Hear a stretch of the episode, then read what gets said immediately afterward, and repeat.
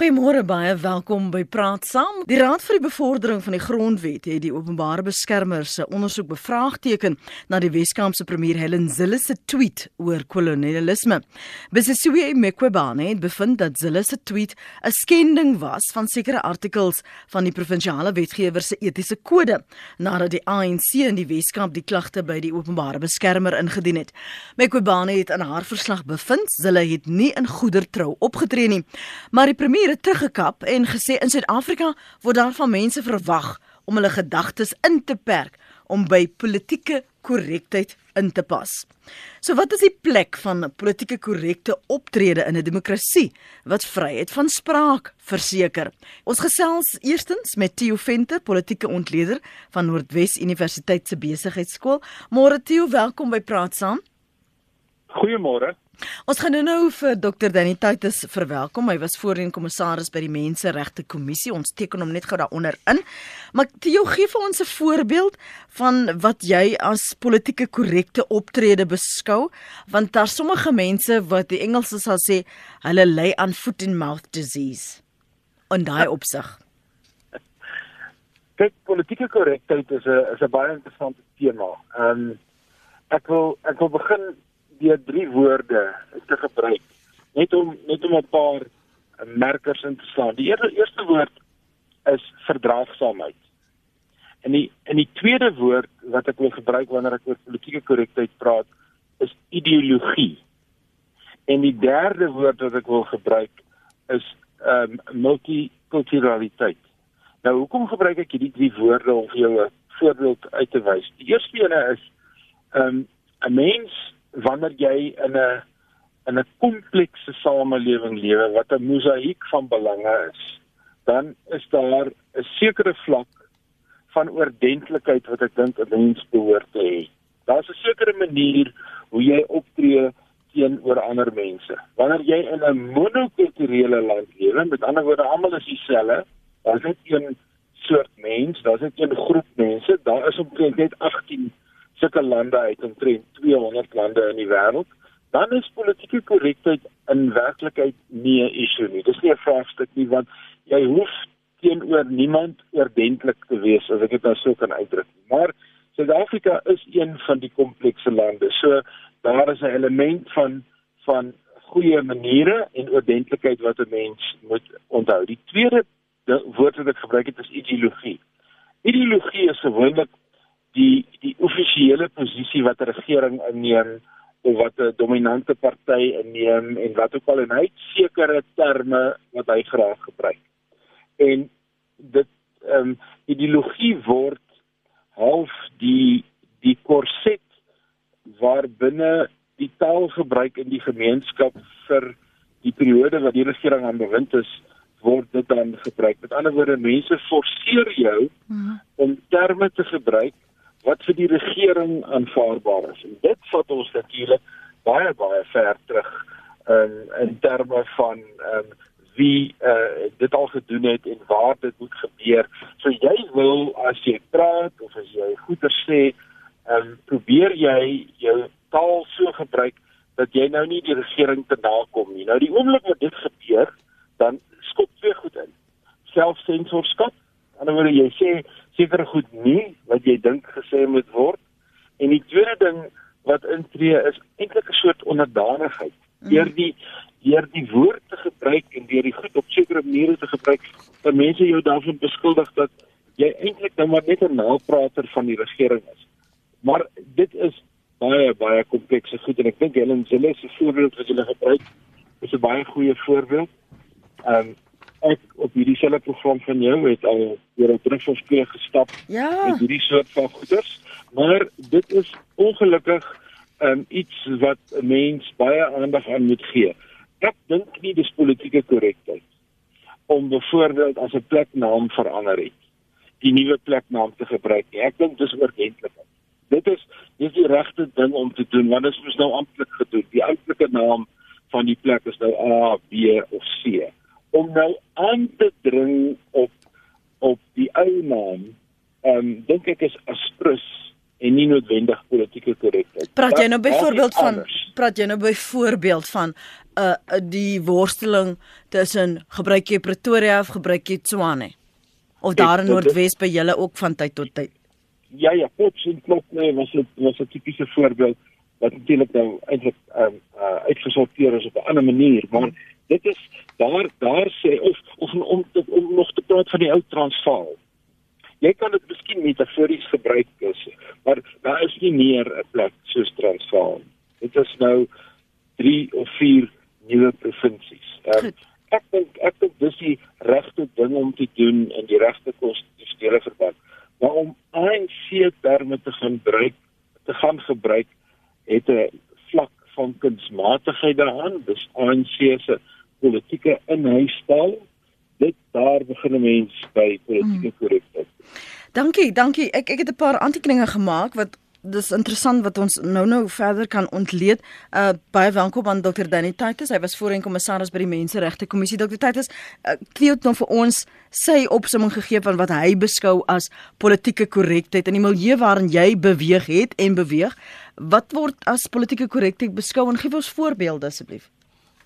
Ja, dankie Morlenet. Ehm um, ek het agtergekom uh dat daar ook 'n positiewe instelling is wat po politieke korrektheid betref, positiewe ideologie. En dit gaan meer daaroor om om uitdrukkings of aksies te vermy wat gesien word wanneer jy groepe van mense wat wat maatskaplik benadeel is, uh, uh of teen gediskrimineer word om hulle uit te sluit of te marginaliseer of te beledig. Dit was soos ek dit nou lees veral in in Europa tot 'n mate in Amerika nog nie so lekker hier in Suid-Afrika nie want mm. ons het nie eintlik hierdie tipe uh, ideologie om ons te dryf nie. Ons het 'n sterk uh, menseregte kultuur in Suid-Afrika waarom ons hierdie uh, mense uh, se regte erken. Maar is meer die negatiewe kant wat wat wat beslag gekry het in in in ons in ons bestel waar politieke korrektheid eintlik gaan oor oor oor oor bedrieglikheid. Politieke korrektheid gaan oor die aanspreek van van van van elites wat wat jy moet uh, teengaan. Ehm um, en en en en en dit dit dit, dit raak ook meer 'n geval van oneerlikheid ook. Hoekom wil jy nou politiek korrek wil wees? Maar tog aan die ander kant het dit ook 'n karakter gekry van 'n uh, 'n uh, regse konservatiewe elemente veral Europese regse partye soos Geert Wilders, soos Marie Mar Mar Marie Le Pen uh en dan ook uh, president Trump uh, van sy kant wat net vir 'n oomblik sê maar ek is nou moeg. Uh, uh, uh moenie vir my kom voorskryf wat ek mag sê wat ek nie mag sê nie. As ek wil migrante wil aanspreek of soos ons dit in Europa ervaar dan sal ek dit doen. As ek hulle nie in my land wil hê nie dan sal ek dit sê. Moenie vir my sê ek mag dit nie sê nie. Ehm uh, maar ten spyte daarvan uh met politieke korrektheid wat die negatiewe kant betref nog nie eintlik 'n positiewe beslag in Suid-Afrika uh, ontwikkel nie. Wat ek so 'n bietjie van teer ook luister. As dit gaan ook oor fatsoenlikheid dit gaan ook oor wat is wat is aanvaarbaar? By ons is ons vroeg maklik om oor te gaan na kwessies soos rasisme haatspraak menseregte uh, uh, skind maar daar is 'n terrein waar ons sê vir mekaar maar hierdie is fatsoenlikheid politieke fatsoenlikheid dit mag of dit mag nie gebeur nie. Uh dis vir my 'n veel meer uh, uh gemaklike term om te sê maar ons hoef nie noodwendig elke keer na die howe toe te hardloop nie. Ons moet tog op 'n stadium aanvaar as jy 'n politikus is, dan moet jy aanvaar dat dat dat daar ander toets moet wees teenoor jou uh, as gewone mense op straat. Jy kan tog nie so liggelowig of so sensitief wil wees dat niemand mag jou aanspreek nie. Niemand mag negatief teenoor jou wees nie.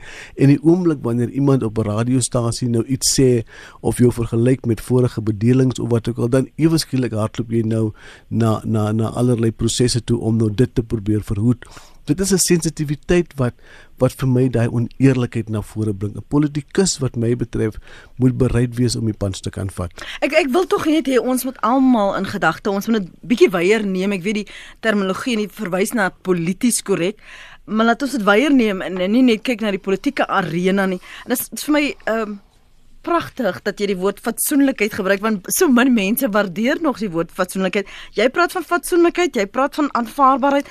Jy het gepraat Theo van 'n ordentlikheid, maar ordentlik ja. Ja, maar maar hallo, wie wie bepaal wat daardie kode, daardie toets, daardie maatstaf moet wees? Want wat vir jou aanvaarbaar is, uh, Theo of onaanvaarbaar is of fatsoenlik is, is vir iemand anders speaking a mind. Ja, maar dit is as ek sê my hallo Danny, dat um, Theo. Danny Donald Trump genoem het as iemand wat uh, veld gevoer het om te sê ek gaan nie polities korrek wees nie. Dit was deel van sy hele veld. Toe word hy president. En die heel eerste ding wat sy media mense vir die media sê is ons verdien 'n klein bietjie respek. Julle moet ons daarom nou met 'n klein bietjie meer respek hanteer. Met ander woorde, toe vereis hy eintlik van die mense wat met hom praat 'n ander soort gedrag as wat hy geprojekteer het toe hy in sy veldtog was. En dit beantwoord op 'n sekere manier jou vraag. Die wie bepaal wie kan wat sê, het baie keer te doen met met wie die owerheid is of wie in beheer is. En en ek stem met Danny saam dat politieke korrektheid word in die algemeen geassosieer veral in Europa en ander plekke met 'n regse benadering, maar dis nie uh, die eksklusiewe plek vir regses nie. Ehm um, die beste aantekening in die eerste gebruike van politieke korrektheid kom van iemand minder nie as meneer Stalin wat toe hy ehm um, leier word van die Sowjetunie daarop aangedring het dat mense sekere politiek korrekte terme gebruik wanneer hulle hom aanspreek of wanneer die regering aanspreek of wanneer die koerante skryf en daardeur het hy eintlik sekere ideologiese terme vasgelê in mense se koppe en in mense se gedagtes. So ehm um, die die politiek korrektheid kom van meer as een kant af en dan lyk dit ook vir my ehm um, net as ons nou soos na die na die na die groter omgewing kyk. Die tuiste van politieke korrektheid is eintlik ons universiteite. Daar's min ander instansies wat soveel klem lê op om die regte ding op die regte tyd en met die regte sensitiwiteit te sê. Mens kan dit natuurlik verstaan want universiteite is intellektuele tuistes, dis plekke waar mense met gedagtes werk en nuwe idees en so aan, maar ehm uh, ek kan byvoorbeeld dink aan wat by die Universiteit van Kaapstad gebeur het rondom die die roads was vol en en hierdie soort van goed so universiteite ehm um, by universiteite broei daar nie net rekenaarwiele se uit nie dis ook die tuiste van politieke korrektheid So voordat ons verder gesels is nou 20 minute oor 8 kom ons hoor gou wat sê ons luisteraars. Enigiets wat jy wil byvoeg? Ja, Natuurlik, uh, die universiteite vir my is is is werklik die plekke by uitstek waar daar nie politieke korrektheid behoort te wees nie, waar vryheid van spraak, vryheid van van van akademie, van denke uh van opinies van gedagtes soveel hoër moet wees. En en en dat politieke korrektheid juis daar uh uh uh nie so hoog opgegee moet word nie. En ja, ons is ongelukkig in 'n uh, transisie in Suid-Afrika en ons is besig om mekaar af te tas, mekaar se ervarings te kan verstaan, ons diversiteit van Suid-Afrika te kan verstaan. Ehm uh, jy kan ook nie die universiteite wil gaan gebruik as 'n wegkruipplek om dan nou uh uh um, uh, 'n nuwe apartheid te wil uh, beoefen nie. Dit is ook van die van die van die breë grense waarna ons sal moet kyk.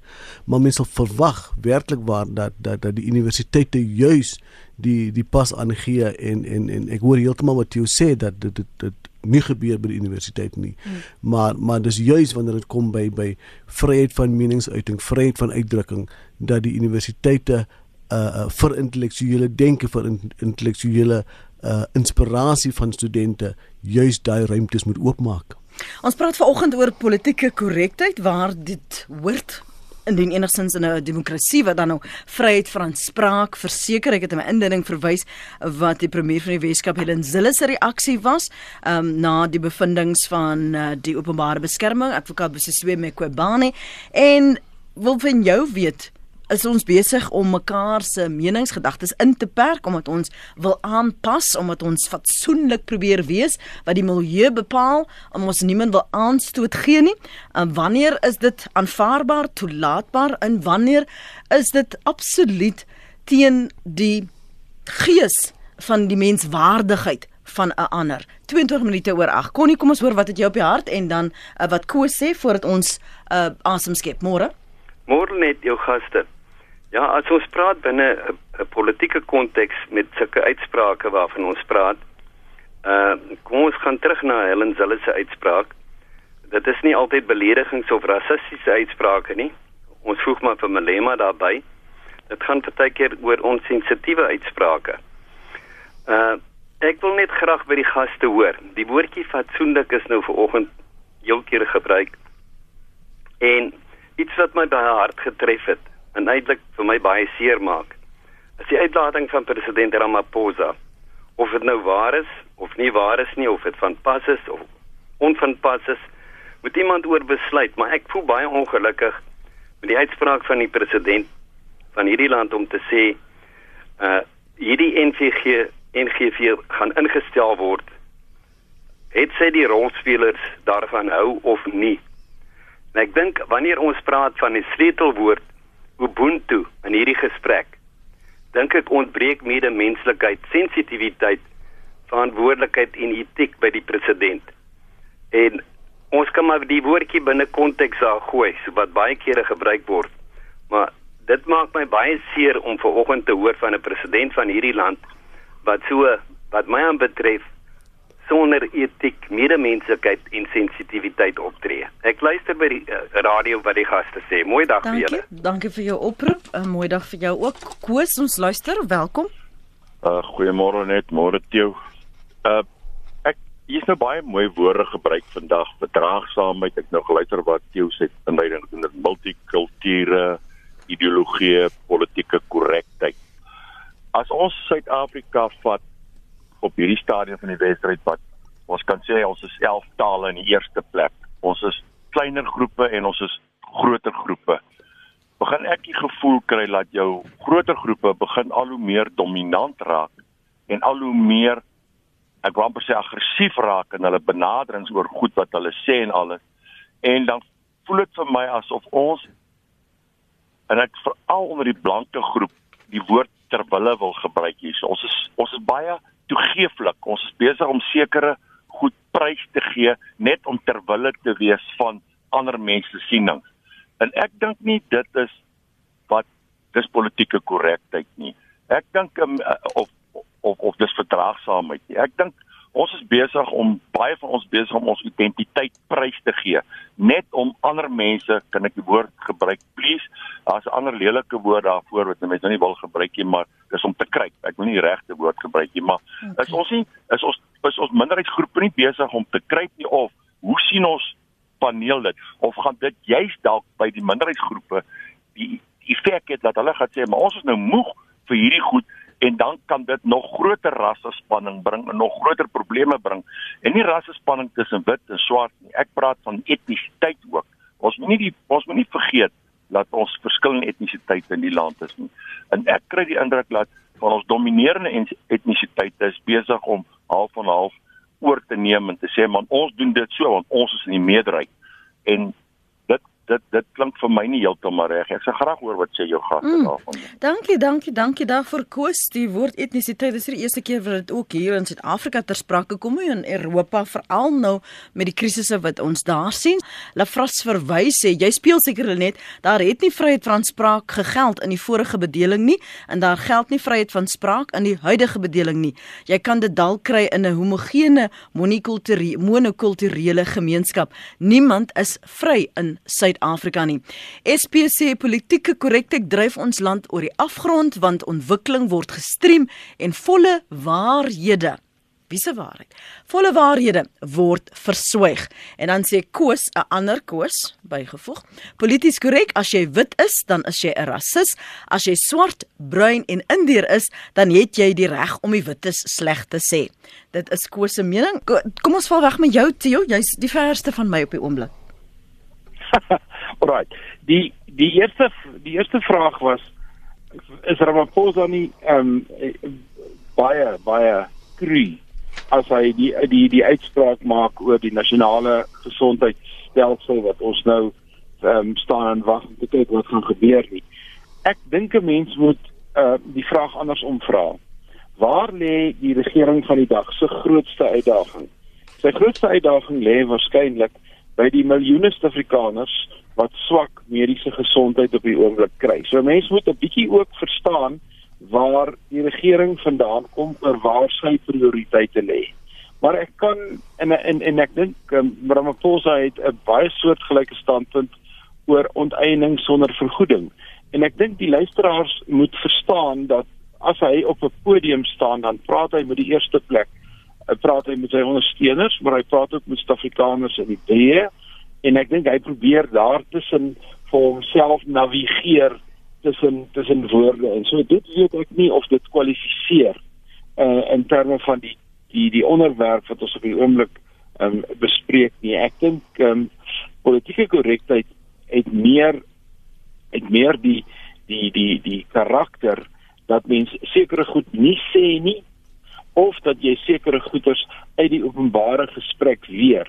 'n Baie goeie voorbeeld wat ek onthou uit my jong dae uit was toe ek 'n jong student was en ek net begin beseer het was die gebruik van die woord apartheid was amper 'n no-no. Niemand het dit gebruik in 1970 of 1980 nie. Die regering het verkies dat ons na sy na sy beleid verwys as afsonderlike ontwikkeling. Mm. Ja, hy hy en hy het dit amper geforseer op 'n ideologiese wyse. Vandag is die gebruik van die woord apartheid normale taalgebruik en ons het eintlik vergeet van daardie term wat 'n politiek korrekte term vir sy tyd was. Ehm um, so dit is die soort goed wat ek dink ons daar kyk as politieke korrektheid en miskien kan Danny vir my help met die met 'n ander voorbeeld is um, wat is die aanvaarbare term vir bruin man of is dit 'n kleurling? Daar's ander kwetsende terme ook waar 'n mens vang jou gedurig uit dat jy jy moet jou woorde tel as jy byvoorbeeld by daardie konsepte kom. Praat jy met mense in die gemeenskap, dan is daar ook 'n baie diverse mening daaroor en dit maak iets soos politieke korrektheid 'n baie moeilike een wat dit aanbetref. Goed, een van die luisteraars skryf hier: Hannes sê politieke korrektheid is 'n sinoniem vir skynheiligheid. Jy mag dalk nie saam met iemand soos Donald Trump stem nie, maar hy is ten minste eerlik oor sy siening. Nog 'n een sê, ehm um, waar politieke korrektheid is 'n uh, sianiet vir 'n samelewing. Dis Tissa van Vryburg. Ek hoop ek skryf jou uh, spreek jou naam korrek uit. So so raak aan wat ons luisteraar sê Dr. Titus, maar ook uh, wat Connie en Koos na verwys het. Uh, aan die een kant sê hy dit kry kry die idee dat veral as jy wit is, dan moet jy versigtig wees. Jy's te wille te toegeeflik en dat dit dalk die ondergang kan wees. En dan kan jy praat oor hoekom sommige mense kleuring wil wees en ander bruin. Ja, dankie uh, Lenet. Ehm uh, ja, wat Connie betref, die president is die president van Suid-Afrika. Die president moet kyk na wat is van belang vir die hele land en veral as ons kyk na die nasionale gesondheids uh, uh, versekeringsprosesse, gaan dit juis daaroor dat uh, 8.9 miljoen van Suid-Afrikaners het private gesondheidsorg. Ons private gesondheidsorg is hopeloos te duur, dit is hopeloos te ontoereikend. En 56 miljoen mense is ter sprake in Suid-Afrika, mense wat nie toegang tot gesondheid het nie. En en daarom as 'n president moet praat, dan praat hy namens die hele land, namens die 56 miljoen uh en om van hom nou te verwag dat hy of dat hy nou Ubuntu nie uh, uh aandag aan gee nie of dat hy nou uh, nie meer menslik is nie is vir my 'n bietjie uh, onvanpas.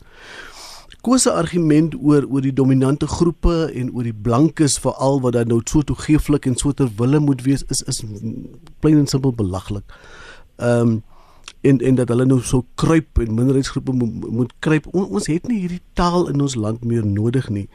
As ons kyk aan swart kant, dan is daar ook etniese spanning. Dan is daar veel meer etnosentrisiteit uh uh as wat ons dink as ons kyk na hoe dat uh, mense vanuit uh Xhosa uh herkoms praat oor mense van Zulu en hoe mense van Ndebele uh afkoms baie duidelik vir jou sê as jy van die Zulu of Xhosa is nie dan kry jy nie werke nie.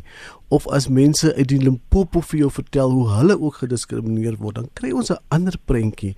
En dan is dit 'n kwessie van hoe balanseer jy alles? Wat is jou nasionale taak om nou uh, uh weer eens dan nou polities korrek te wil wees en te maak asof hulle nie bestaan nie en net die blankes wat in ook kan sy sou bestaan en ter wille moet wees.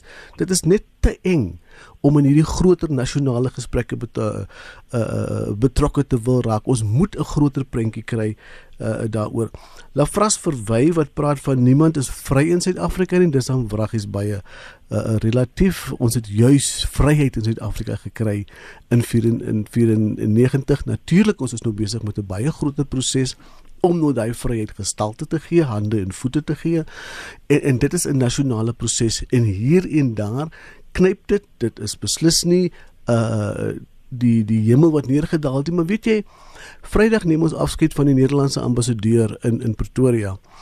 Marisa Gerards en en sy en haar eggenoot vertel toe nou daar wat hulle van Suid-Afrika dink. En waar hulle vir ons sê, wees trots op julleself. Wees trots op wat julle bereik het in Suid-Afrika. En ons staan almal daar en ons dink, liewe aarde, waarvan praat die vrou? Sy sê julle is 'n post konflik samelewing. En op wêreldskaal is dit ongeëwenaard wat Suid-Afrika bereik het van waar ons was tot waar ons nou is. En baie keer het ons glad nie daai perspektief nie. En miskien is dit ook goed om so 'n bietjie daai perspektief ook ook te kan kry. Ehm um, die gedagte om dan nou te sê ons uh, wil nou net wit is uh, sleg praat, dit is dit is vir my beslis nie eers 'n uh, 'n uh, 'n kwessie nie want daar is prosesse in Suid-Afrika wat Maar dan ekskuus, jammer om te onderbreek met die gedagtegang. Ek weet jy wil wil ook nog, nog raak aan die kleerling in in breinverwysing. Maar maar as 'n uh, persoon soos Helen Zille byvoorbeeld in haar en daar die narratief bestaan dat mense voel as dis 'n sonde om om te sê wat jy dink veral as jy wit is en dit is wat sy deel was van haar argument waar sy gesê het dat daar word verwag van mense om hulle gedagtes in te perk om by politieke korrektheid in te pas terwyl dit boonop die grootste sonde is om wit te wees. Ja, ehm um, ek dink mevrou hulle oordryf, ehm um, maar maar ook uh, Mkobani se verslag is so power, is so pateties. Uh die vrou se se bevoegdheid word ernstig be, bevraagteken. Sy daag nie op in die parlementêre komitees by die so daai proses moet nog afgehandel word. Daar's 'n baie sterk aanklag teen Mkobani, maar as ons inhoudelik gaan kyk na haar verslag, dan sal ons sien dat dit is nie die papier werd waarop dit geskryf is nie. Maar vir mevrou Wille om mevrou Wille om te sê dit is nou kwansies verkeerd om om wit te wees of, of wat sy ook al nog gesê het, is is 'n bietjie oordrewe want dit is dit is 'n bietjie ehm um, wat my betref ehm um, nie heeltemal in lyn ek gaan sien dat dit is 'n as 'n reaksie op Mkobani se verslag uh en, en miskien 'n bietjie oordrewe reaksie maar maar maar Mkobani se verhaal is 'n verhaal op op sigself wat gaan oor onbevoegdheid wat gaan oor iemand wat nie haar magte verstaan nie en wat nie weet hoe om die reg toe te pas nie kan ek kan kan ek by Danny ja. net aansluit oor oor die die die wit uh die die die die inbeller wat sê dat of die skrywer wat sê dat uh, wit mense word eintlik baie baie sterk benadeel. Wel, een van die interessante goed is kyk hoe vry is ons drie om hier te praat en en basies te sê wat ons wil in die mate waartoe ons eerlik genoeg is om te sê wat ons dink en wat wat ons glo. Dit was nie altyd so nie. Hm. Ehm um, en en daar was 'n periode ehm um, 'n jaar of twee gelede waar die SAIK self onderdruk was van eie geleedere om 'n bietjie voorskrifklik te wees oor wat 'n mens mag sê en nie mag sê nie. Dit is gelukkig iets van die verlede. Maar ek dink 'n mens moet ehm um, mens moet baie mooi verstaan wat wat Danny nou die die Nederlandse ehm um, ambassadeurs egpaar aangehaal het oor 'n post-konflik samelewing. Dit beteken dat voor die konflik, kom ons sê net maar voor 1994, was dat was dit gangbaar om sekere terme en sekere woorde te gebruik sonder om daaroor na te dink. Ja.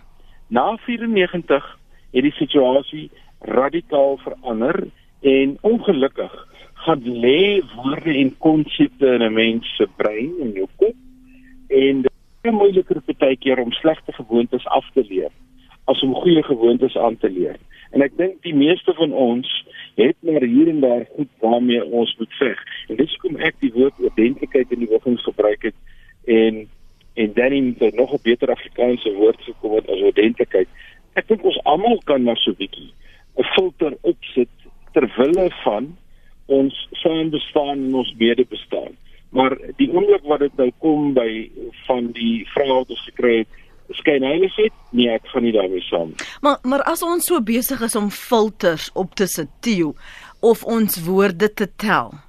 Hoe vorder die gesprek? Hoe begin ons praat oor dan nou daardie kwetsende opmerkings, so daardie woorde, die dit wat aanstoot gee?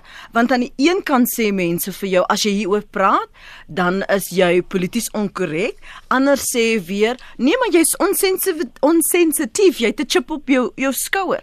So, wat is die balans dan en hoe pas jy dit as San en Jan Burger toe? Wel ek ek dink daai eh, die die filters waarna ek verwys het is noodsaaklike filters. Dis noodsaaklike filters om te sê uh, en en dit is dis dis half 'n persoonlike erkenning om te sê goed wat in die verlede gebeur het was nie reg nie.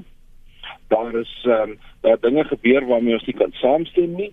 Daar was uh, daar was kwetsende terme in ons wetgewing, daar was kwetsende terme in ons sekere gemeenskappe. Ek dink veral byvoorbeeld aan gays en en hierdie soort gemeenskappe en en dit was gewoon net onsensitief. Dit is die soort filters waarvan ek praat. Uh, ek praat nie daarvan om nou skielik net 'n klomp mense terwille te wees nie, want ongelukkig in Suid-Afrika en ons het Malema se naam genoem in die hmm. begin. En hy gaan nou hy hou nou oor na die ander kant van van die debat waar hy amper soos Donald Trump en doelbewus die pogings om 'n nuwe bedeling stadig maar seker te vestig wil hy wil hy uitdaag. Hy wil hy wil die kom ons noem dit die die ongeskrewe grense van wat hy kan doen en wat jy mag sê, wil hy doelbewus uitdaag vir politieke opportunisme en ek dink dit is net so gevaarlik. Hm. Anoniem in Durban. Goeiemôre. Goeiemôre Net en die meneer saam met jou daarso. Ehm um, my eie wat ek graag wil hê en dit is ehm um, goeders wat ons wel experience in ons werksomgewing.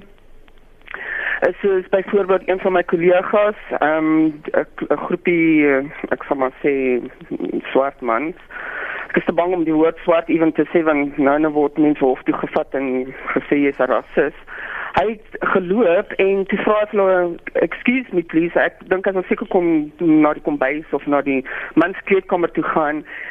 En uh, hy is terug kantoor toe en die een van die ouens gaan hom toe sê from you need to respect me. To say but um i do respect you whether that treat you disrespectful. In the own het ehm um, ek weet nie wat gesê was nie maar hy het toe gegaan en hy het 'n uh, 'n uh, grievance ingesit dat die ou gesê ja hy is 'n uh, ehm um, wat 'n monkey of whatever ook al en die ou is nou gesuspend maar die man het dit glad nie gesê nie. En dit, hier is nie net die een enigste uh, voorval nie. Ek weet van baie sulke voorvalle waar mense mense gesuspend is en waar hulle gaan en net sê ja maar you, you said I'm a monkey of of sulke goed en dan kry hulle van hulle uh, kollegas om saam te staan en sê ja ja die wit man of die wit vrou het so gesê so gesê. So uh, ja, ons word beperk waar ons nie meer, meer net kan sê wat ons wil nie. Jy weet jy ry in die straat en hulle hulle vloek jou en ehm um, ek die eendag by ook by parking lot en die ou trek net voor my in en toe ek kom van van maar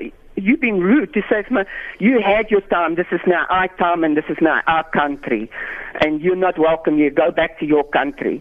So ek sê well where's my country? I'm born here. He says nee, julle wit mense kom van daar af. So hy bedoel net van Nederland en Holland en daai plek en sê ons moet terug gaan sien toe. So ehm um, as uh, enigiemand dink dat dinge in hierdie land gaan beter word, ehm um, ek, ek dink mense moet wakker word. Dinge in hierdie land word regtig waar baie erger, baie erger en daar daar daar's baie mense wat wel probeer om dinge te maak werk en baie mense gee om vir die land. Wit, swart en indiërs en kleure en daar is mense wat omgee vir die land en 'n beter lewe vir hulle kinders wil hê. Maar iewers is daar mense wat besig is om kwaad te stook teen al hierdie uh, tussen al die rasse. Ehm um, ja, maar dinge gaan nie beter beter word nie, word net erger. Dis 'n uh, anoniemse mening daar in Durban. 'n uh, Nog 'n luisteraar sê Ek is wit en skaam my elke dag van my lewe ervaar ek swart mense se goeie gesindheid teenoor my en verwonder ek my daaraan. Wat het ons gedoen om dit te verdien? Ons het baie gedoen om dit nie te verdien nie, skryf Lizet Botha. Trek dit terug na balans. So Jy en Theo moet maar later praat te jou kan Danny Titus vir jou verduidelik hoekom sommige mense bruin wil wees en sommige swart en sommige uh kleurling. Ek wil terugkom na die onderwerp vanmôre.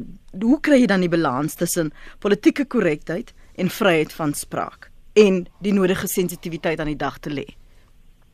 Ja, die sensitiwiteit is eintlik waaroor dit gaan. Dit gaan oor oor diversiteit. Suid-Afrika is nie 'n land waar ons almal een homogene bevolking is nie. Ons is nie 'n land van van Nederlanders of van Duitsers of van van van van van Spanjaarde of wat ek al nie. Ons is 'n land van vele kulture, van multikulture, vele tale. Dit is waarmee ons geseënd is in hierdie land.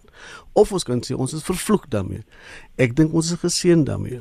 So ons het nie 'n keuse nie as om met mekaar saam te leef, as om te besef ons het maar een land, ons het maar een 'n uh, 'n uh, uh, status as as Suid-Afrikaners en ons moet dit laat werk in ons verskillende diversiteite in. En dit is vir my die kernpunt. Ons moet leer om mekaar se verskille te verstaan. Ons wil so graag wys ons is een, maar ons moet bietjie 'n stapie terugneem en sê ons is nie almal eenvormig nie. Ons het verskille. Ons het geskiedkundige verskille, kulturele verskille. Ons eet verskillende kosse. Maar dit maak nie van ons hartig teenoor mekaar nie. Dit dit dit kan nie van ons hartig maak nie. En as dit ook gaan oor oor hoe kom ons nou by mekaar uit, dan is dit 'n kwessie van luister na mekaar. Ons het die afgelope klompie jare gesien hoe dat diversiteitskonsultante in hierdie land vir ons begelei om te wys hoe luister jy na mekaar? Hoe maak jy ruimte vir mekaar se verskille? En ek dink dis waar ons moet by mekaar uitkom om te erken dat dat ons is ons is nie een pot sop wat mm. wat wat wat almal geword het. Ons is werklik 'n 'n 'n 'n diversiteit 'n 'n 'n eenheid in diversiteite. En en in die verlede was dit apartheid genoem.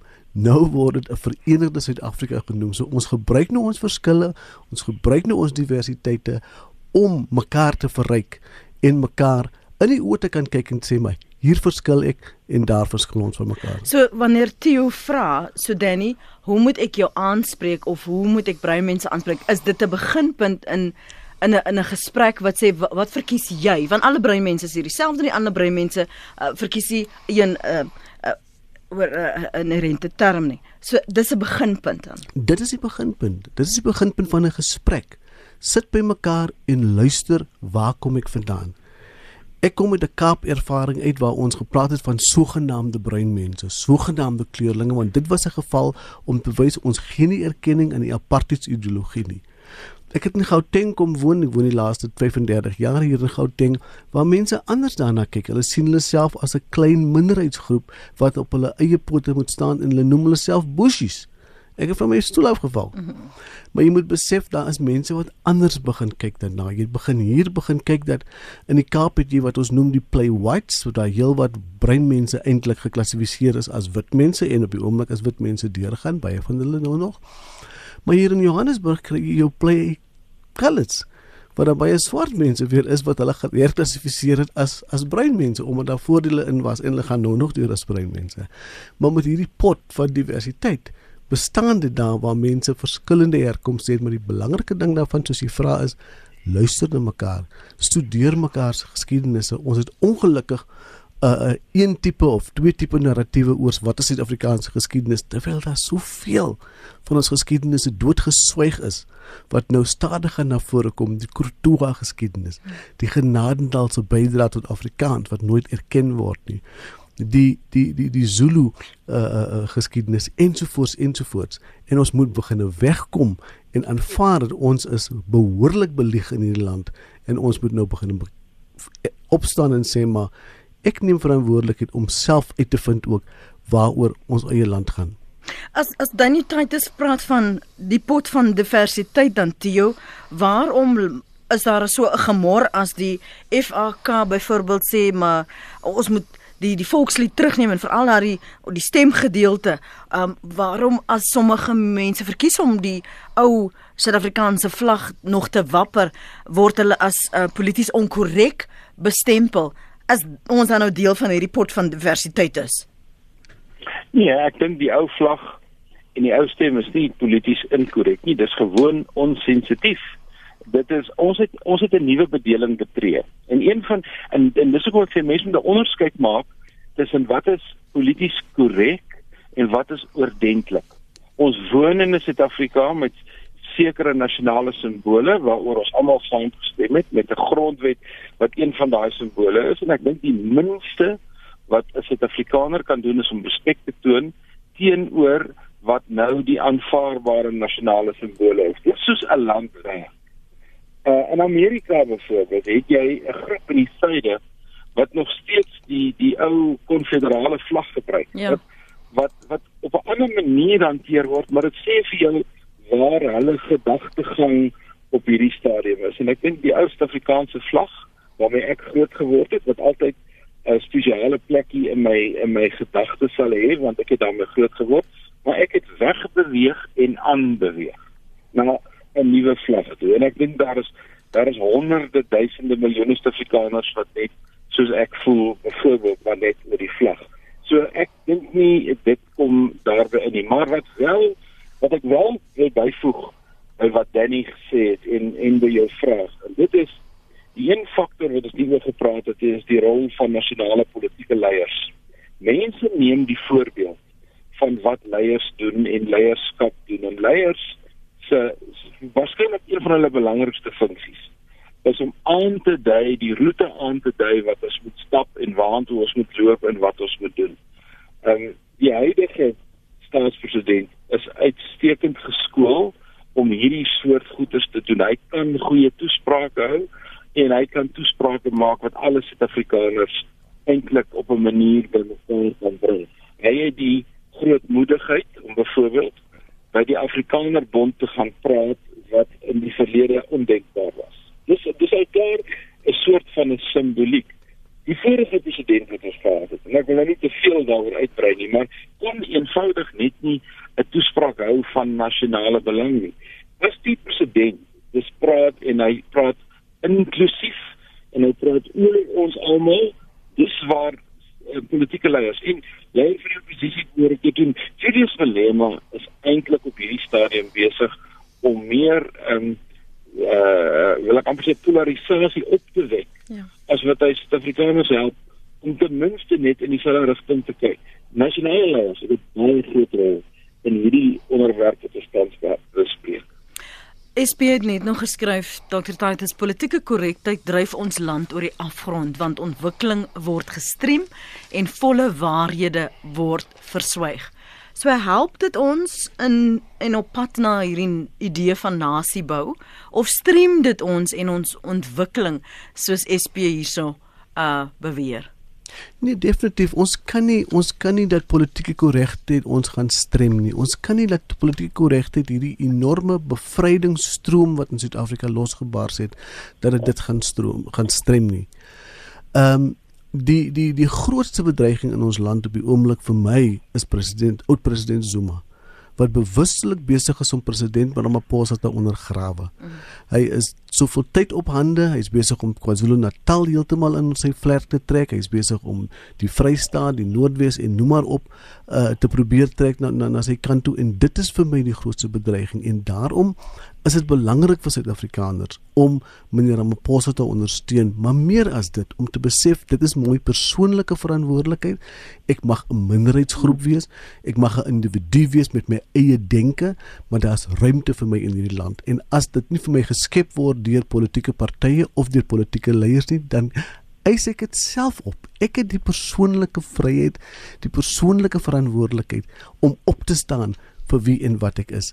So ek dink ons stryd is teen 'n ander bose en sy naam is Jacob Zuma. Ooh, jene, ons wil vir jou ook laat aankla nie. Ek dink jy waardeer my opmerking.